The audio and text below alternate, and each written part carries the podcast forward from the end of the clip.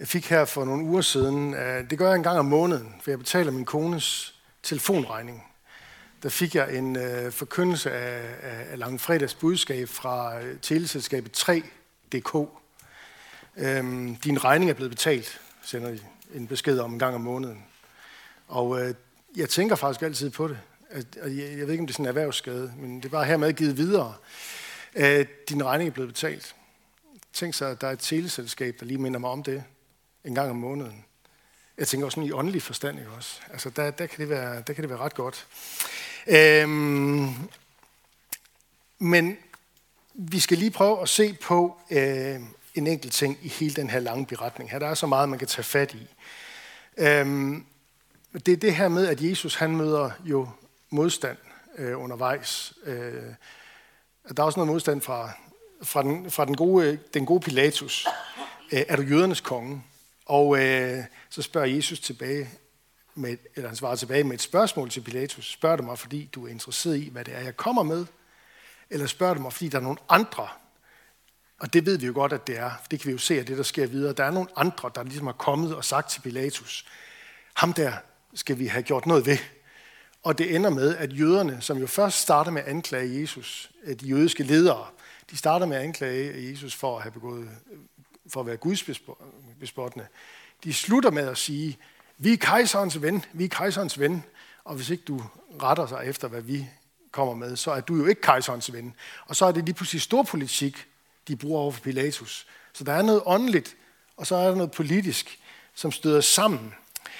Øhm, men den her modstand, som Jesus møder, hvor finder han egentlig styrken til at stå alt det igennem. Også i forhold til, når djævlen kommer og frister ham, i forhold til, når hans disciple ikke forstår, øh, hvad det er, der foregår, osv. osv. Hvor finder han egentlig sin styrke henne? Jeg hørte for nylig en, øh, en, en prædikant, som øh, sagde det her med, at, at som kristne, i forhold til det her med, hvor fandt Jesus egentlig sin, sin styrke der sagde han, at øh, der er vi nok som kristne sådan lidt vant til at tænke, jamen, øh, vi bekender jo også, at han er Guds søn. Og så, så tænker så har vi ligesom vinget den af, jamen, det er jo, han er jo Guds søn. Så, så det må jo være derfor. Øh, eksempelvis, det slog det mig lige nu her, da vi læste det op, derovre i starten af kapitel 18, der står, at øh, Jesus, som vidste alt, hvad der skulle ske med ham. Hvorfor vidste han det? Havde han sådan en overnaturlig viden? Jeg synes, når vi læser det her, så viser det sig, at svaret ligger et andet sted. Svaret ligger et andet sted. Fordi Jesus havde ikke nogen særlige superkræfter, og øh, det, det her med, at Jesus skulle have, at det, at han var Guds søn, skulle give ham en ekstra sådan særlig stærk øh, åndelig kraft. Øh, hvis man tænker sådan, så overser man jo det, der siges, eksempelvis i Filipperbrødet kapitel 2, om at Jesus, ja, han var hos Gud fra evighed af. Men han gav afkald for at være gudlig. Og så blev han menneskelig. Han blev et menneske. Og han tog frivilligt en tjeners skikkelse på og blev menneskelig, står der. Og da han trådte frem som et menneske, ydmygede han sig til døden. Og så kommer der lige, komma, ja, døden på et kors, hvis vi er i tvivl. Altså korsfæstelsen er meget vigtig. Det er Paulus, der tager det med og lige gør opmærksom på, der er jo ikke mange superkræfter i det. Men det, der er i Jesu liv, som vi ved, det er, at han ved, at han har en himmelsk far. Og han, han har også erfaret, at Helligånden er blevet udgivet over, udgivet over ham og givet ham kraft til det, han gjorde, da han gik omkring og gjorde godt og forkyndte evangeliet og helbredte og uddrev onde ånder osv. Men det er jo ikke, det er jo ikke sådan særlige superkræfter, der, der, der, der er forbeholdt ham, det her med at være afhængig af sin skaber, eller af skaberen, af den himmelske skaber, af sin far i himlen, og så af Guds ånd. Det, øh, det er vi jo også afhængige af. Os, der kalder os kristne. Det er vi jo også afhængige af. Men læg mærke til, hvordan Jesus så forbinder sin, sit liv og sin gerning med øh, hvordan han forbinder det med Guds ånd og med sin himmelske far. Det gør han igennem skriften. Det gør han igennem skriften. Jeg skal prøve at vise jer det nu, men, men jeg, tror, jeg tror simpelthen også, at det er svaret på det her over med, at Jesus vidste alt, hvad der skulle ske med ham. Det er ikke, fordi han har en eller anden overnaturlig viden. Det er, fordi han er godt skolet i Guds ord. Han ved, at det, der ligger foran nu, den her kommende dag, det var jo det, profeten Esajas skrev i kapitel 53 om Herrens liden tjener. Han ved, hvad han skal gå ind i. Det kunne han læse. Og det kunne mange andre også læse.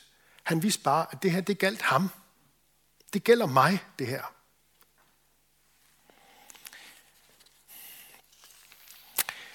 Da han hænger på korset, da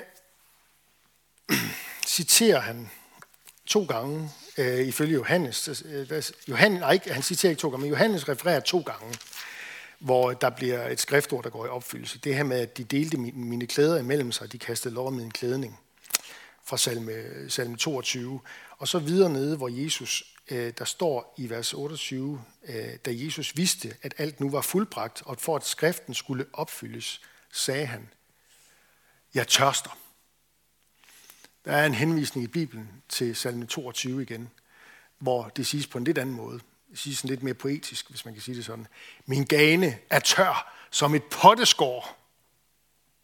Det er en anden måde at sige, at jeg er meget, meget tørstig på. Um, når vi så går over til evangelisten Matthæus og ser hans øh, vinkel på det her, øh, så starter Matthæus øh, med at øh, i kapitel 27 med at sige, at da Jesus er blevet korsfæstet, så hænger Jesus der og, og citerer et tredje sted fra den samme salme, salme 22, nemlig vers 1. Min Gud, min Gud, hvorfor har du forladt mig? Og vi får det en dag på hebraisk, Eli, Eli, lama sabachthani. Min Gud, min Gud, Eli, Eli. Og der står, der står så der, at øh, der var nogen, der troede, han kaldte på Elias. De har simpelthen ikke forstået, at han citerer salme 22.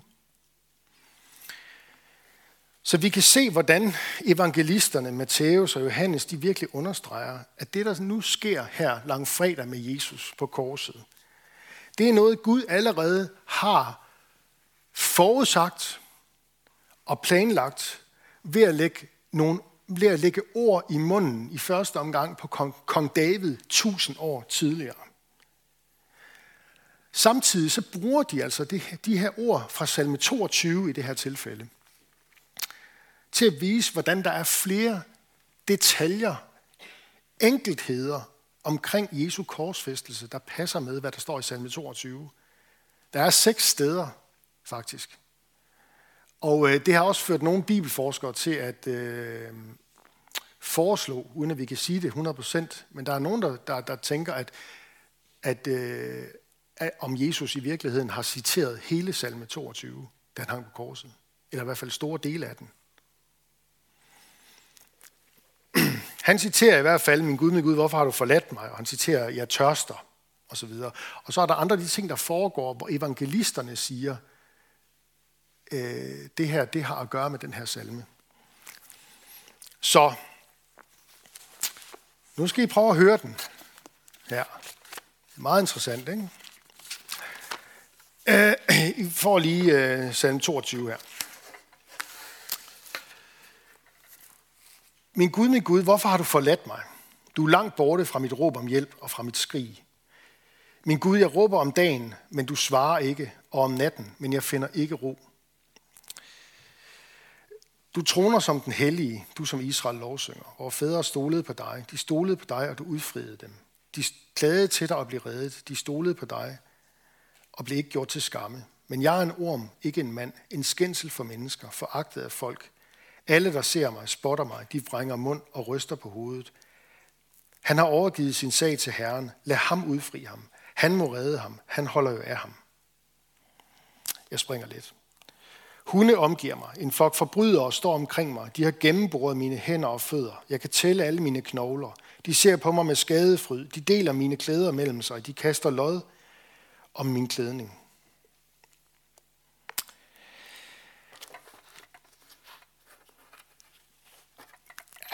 Det er, en, det er en længere salme. I må, I, må, I må gå hjem og tage den selv, ikke også? Det er lige for at give jer en... I får ikke det hele, I får ikke det hele serveret. Lad mig bare sige det. I får ikke det hele serveret her. I må arbejde lidt for det også, ikke også? Øhm, men men øhm,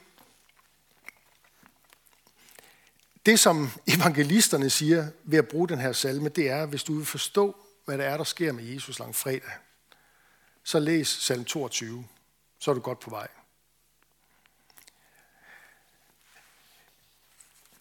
I salm 22, der udtrykker David sin nød og sin lidelse.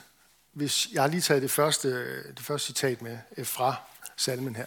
Kommer der. Min Gud, min Gud, hvorfor har du, hvorfor har du forladt mig? Altså David, han udtrykker sin nød og lidelse. Uh, han bruger den her salme i første omgang til at uh, tale om sin egen nød, og vi ved ikke præcist, hvad det er, der er sket med David. Um, ordene er sagt af ham, og de har givet mening på et tidspunkt i Davids liv, hvor han har været forfulgt og i stor nød. De her ord, tusind år senere, der giver de også mening i Jesu mund. Og på den måde, der vidner salmernes bog meget stærkt om, øh, om Jesus. Øh, særligt salme 22. Øh, David, han var inspireret af Helligånden. Og han fik lov til at bruge de her ord om en situation i sit eget liv, men samtidig så var de ord jo med til at pege frem imod en anden David. Davids søn, Davids sønnen, altså en efterkommer af Davids slægt af kongedømmet i Israel, som skulle komme i dag, en, en retfærdig konge. Og det er jo Jesus, som i Nye Testamente kaldes for Davids søn. Øh, det betyder, at han er den her Davids konge. Og David han peger frem mod den her konge, komme, kommende konge, den her herrens lidende tjener. Og hvor David han blev reddet ud af den her situation, så gik, øh, han blev reddet fra døden. Så bliver den næste David, ham David, der kommer tusind år senere, Jesus, Davids søn. Han, han bliver reddet ikke fra døden, men igennem døden. Han går ind i døden. Og han gjorde det for os. Jesus, han så at sige både bad, salm 22, og gennemlevede, salm 22. Han bad salme 22, og han gennemlevede salme 22. Og på den måde, der gav han den en ny dybde. Jesus, han brugte den her salme på den måde, at den handlede om ham, om ham selv. Og det er også derfor, at vi kan se, at allerede få år efter, da evangelierne bliver skrevet, så har evangelisterne fanget det her. Og derfor bruger de også salme 22 til at forklare, hvad det er, der skete med Jesus. De læser salmen, og i det hele taget læser de det gamle testamente og salmernes bog på en profetisk måde, på en messiansk måde, hvor de ser Jesus som Messias derom i det gamle testamente. De ser, at der på korset, der gjorde Jesus sig til et med det lidende øh, og dødstømte menneske. Det næste, jeg har lige et, et par vers mere her fra, fra salme, salme 22, vers 8. Der står sådan, alle, der ser mig, spotter mig. De vrænger mund og ryster på hovedet. Det bruger Matthæus til at sige sådan her, og de, der gik forbi, spottede ham og rystede på hovedet. Der står ikke direkte, det er et citat, men det er det, vi kalder for en allusion eller et ekko det er meget tydeligt, og der er masser af den slags ekoer i det nye testament, hvor de ikke siger, så siger Herren, der skete det og det, men hvor vi kan simpelthen se, at det er en sprogbrug, de har hentet om her fra det gamle testament. Meget, meget tydelig eko eller allusion, hentet deromme fra. Øh, I det næste vers, øh, vers 9, han har overgivet sin sag til Herren, lad ham udfri ham. Lad ham, øh, han må redde ham. Han holder jo af ham. Sådan står der i salme 22. Og øh, Matthæus igen bruger det i kapitel 27, vers 43 til at sige, han har stolet på Gud, lad nu Gud udfri ham, hvis han vil vide af ham. Og det er altså spotterne, der siger sådan. Kan I høre ekkoet? Det er meget, meget tydeligt. Det siges ikke direkte, men det er meget tydeligt, at Matthæus har fanget, at den her salme, hvis du vil forstå, hvad der sker lang fredag, så skal du om at læse i det gamle testamente. Og det gjorde Jesus. Og det var sådan, han fandt øh, kraft til at stå igennem. Han vidste, hvad der skulle ske, fordi han havde læst Guds ord i det gamle testamente, og han vidste, at det var Guds kald til ham. Han skulle gøre sin fars vilje, han skulle opfylde profetierne. Og de to ting var to sider af den samme mønt. Et sted mere, vers 16, salme 22. Min gane er tør som et potteskår. Det er det, som vi lige læste, at Jesus bliver citeret for hos Johannes, hvor han siger, jeg tørster. Jeg tørster. Øh, og der står en dag, at det, det var noget, Jesus sagde, for at skriften skulle opfyldes. Så Jesus har været bevidst om, at der nærmest var noget, der skulle siges den dag, som var i overensstemmelse med, hvad Gud havde talt til hans forfar David, igennem hans forfar Davids mund, tusind år tidligere. Et eksempel mere, vers 17. De har gennemboret mine hænder og fødder. Det er også fra salme 22 af. Og øh, de fleste mener, at der er i hvert fald et ekko af det om i Johannes evangelie kapitel 20, hvor øh, efter opstandelsen øh, tvivleren Thomas øh, for, siger til de andre disciple, hvis ikke jeg får lov til at mærke efter navlemærkerne øh, og såret i siden, så kan jeg ikke tro, at han dermed har kendt til brugen af den her salme her, hvor der jo står det her, de har gennemboret mine hænder og fødder. Vers 19, salme 22. De deler mine klæder, de kaster lod om min klædning.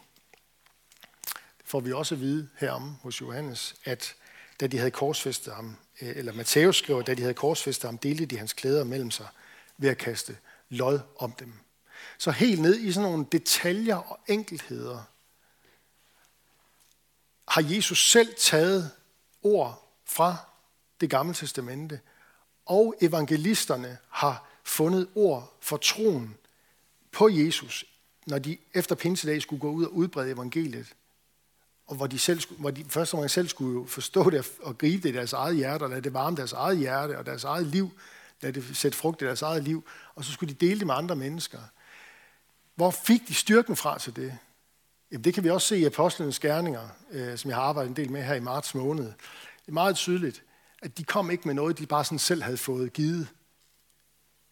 De første kristnes budskab, apostlen Paulus' budskab, tænk på hans, de 13 breve, han skriver, der er cirka 100 citater fra det gamle testamente deri, at deres budskab, den kristne tro, lad os sige det sådan, ville slet ikke have noget at stå på. Vi ikke have noget fundament, hvis ikke det var for Bibelens ord, som Gud har givet. Både i det gamle og i det nye testamente. Men altså på det her tidspunkt, der var Bibelen. Det gamle, det var det, vi havde. Det nye var først, det var ikke engang blevet forfattet endnu. Og når det, når de nye, når det, da det nye testamente skulle forfattes, hvad henviser det så til for at få autoritet? Det henviser til det gamle. Det er derfor, det hænger sammen. Du forstår ikke det nye testamente uden det gamle. Du forstår heller ikke det gamle testamente uden det nye. Guds ord er en helhed. Og det viste Jesus. Og det var der, han hentede kraften. Hentede kraften. Og så var der et sted mere, og nu skal jeg slutte. Der var et sted, eller der var, der var flere ting, ikke også? Men der er, et, der er et fantastisk sted om i Nytestamentet, Hebræerbrevet, øh, i slutningen af Hebræerbrevet, hvor, øh, hvor der tales om den glæde, der ventede Jesus. Øh, jeg vil bare læse lige øh, de, de første tre vers af, af det næst sidste kapitel, kapitel 12 i Hebræerbrevet hvor der står sådan her til de kristne, så lad det også os, som har så stor en sky af vidner omkring os, øh, frigøre os for enhver byrde og for synden, som så let omklamrer os, og holde ud i det løb, der ligger foran os. I det vi ser hen til Jesus, troens banebryder og fuldender, som for den glædes skyld, der ventede ham, udholdt korset, uden at ense det skam, og nu sidder på højre side af Guds trone. Jeg har lige understreget de her vers. Den, som han, han udholdt korset for den glædes skyld, der ventede ham. Hvad er det for en glæde? Jamen, det er jo glæden over den, over den kristne menighed. Det er jo glæden over enhver, der tager imod det, der sker der med syndernes forladelse, forsoningens mirakel, langfredag, den glæde, det er dig. Han tænkte på dig og glædede sig over, at han kunne befri dig fra syndens og dødens magt. Det var for den glædes skyld, det var for din skyld, at han udholdt korset. Lad os bede sammen.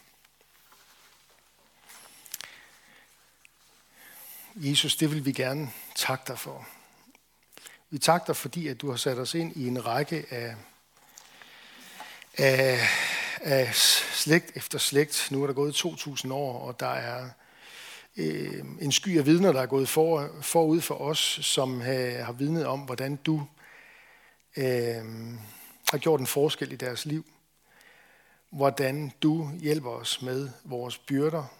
Hvordan du befrier os for vores sønder, som så let omklamrer os. Tak fordi, at det ikke er en kamp, vi øh, skal kæmpe i os selv, men det er noget, vi øh, får lov til at lægge over på dine skuldre. Og så stole på, at øh, det, du har gjort på korset, det holder fuldt ud. At det er fuldbragt. At regningen er betalt.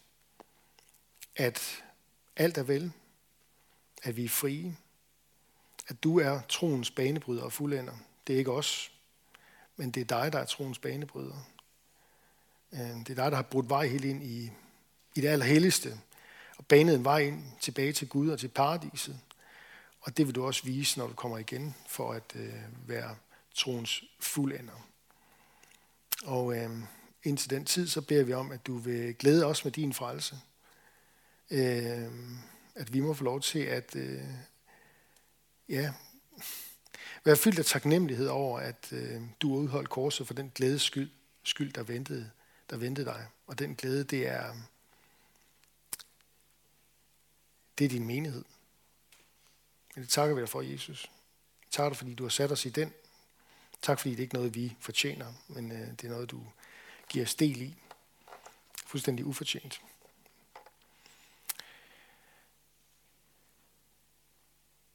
Vi beder om, at du vil hjælpe os til ikke at blive trætte og ikke til at miste modet, men at, øh, at stole på, at du er den samme i går, i dag og til evig tid. At du er vores hjælper, at vi ikke skal frygte, men at du vil os alt godt. I Jesu navn. Amen.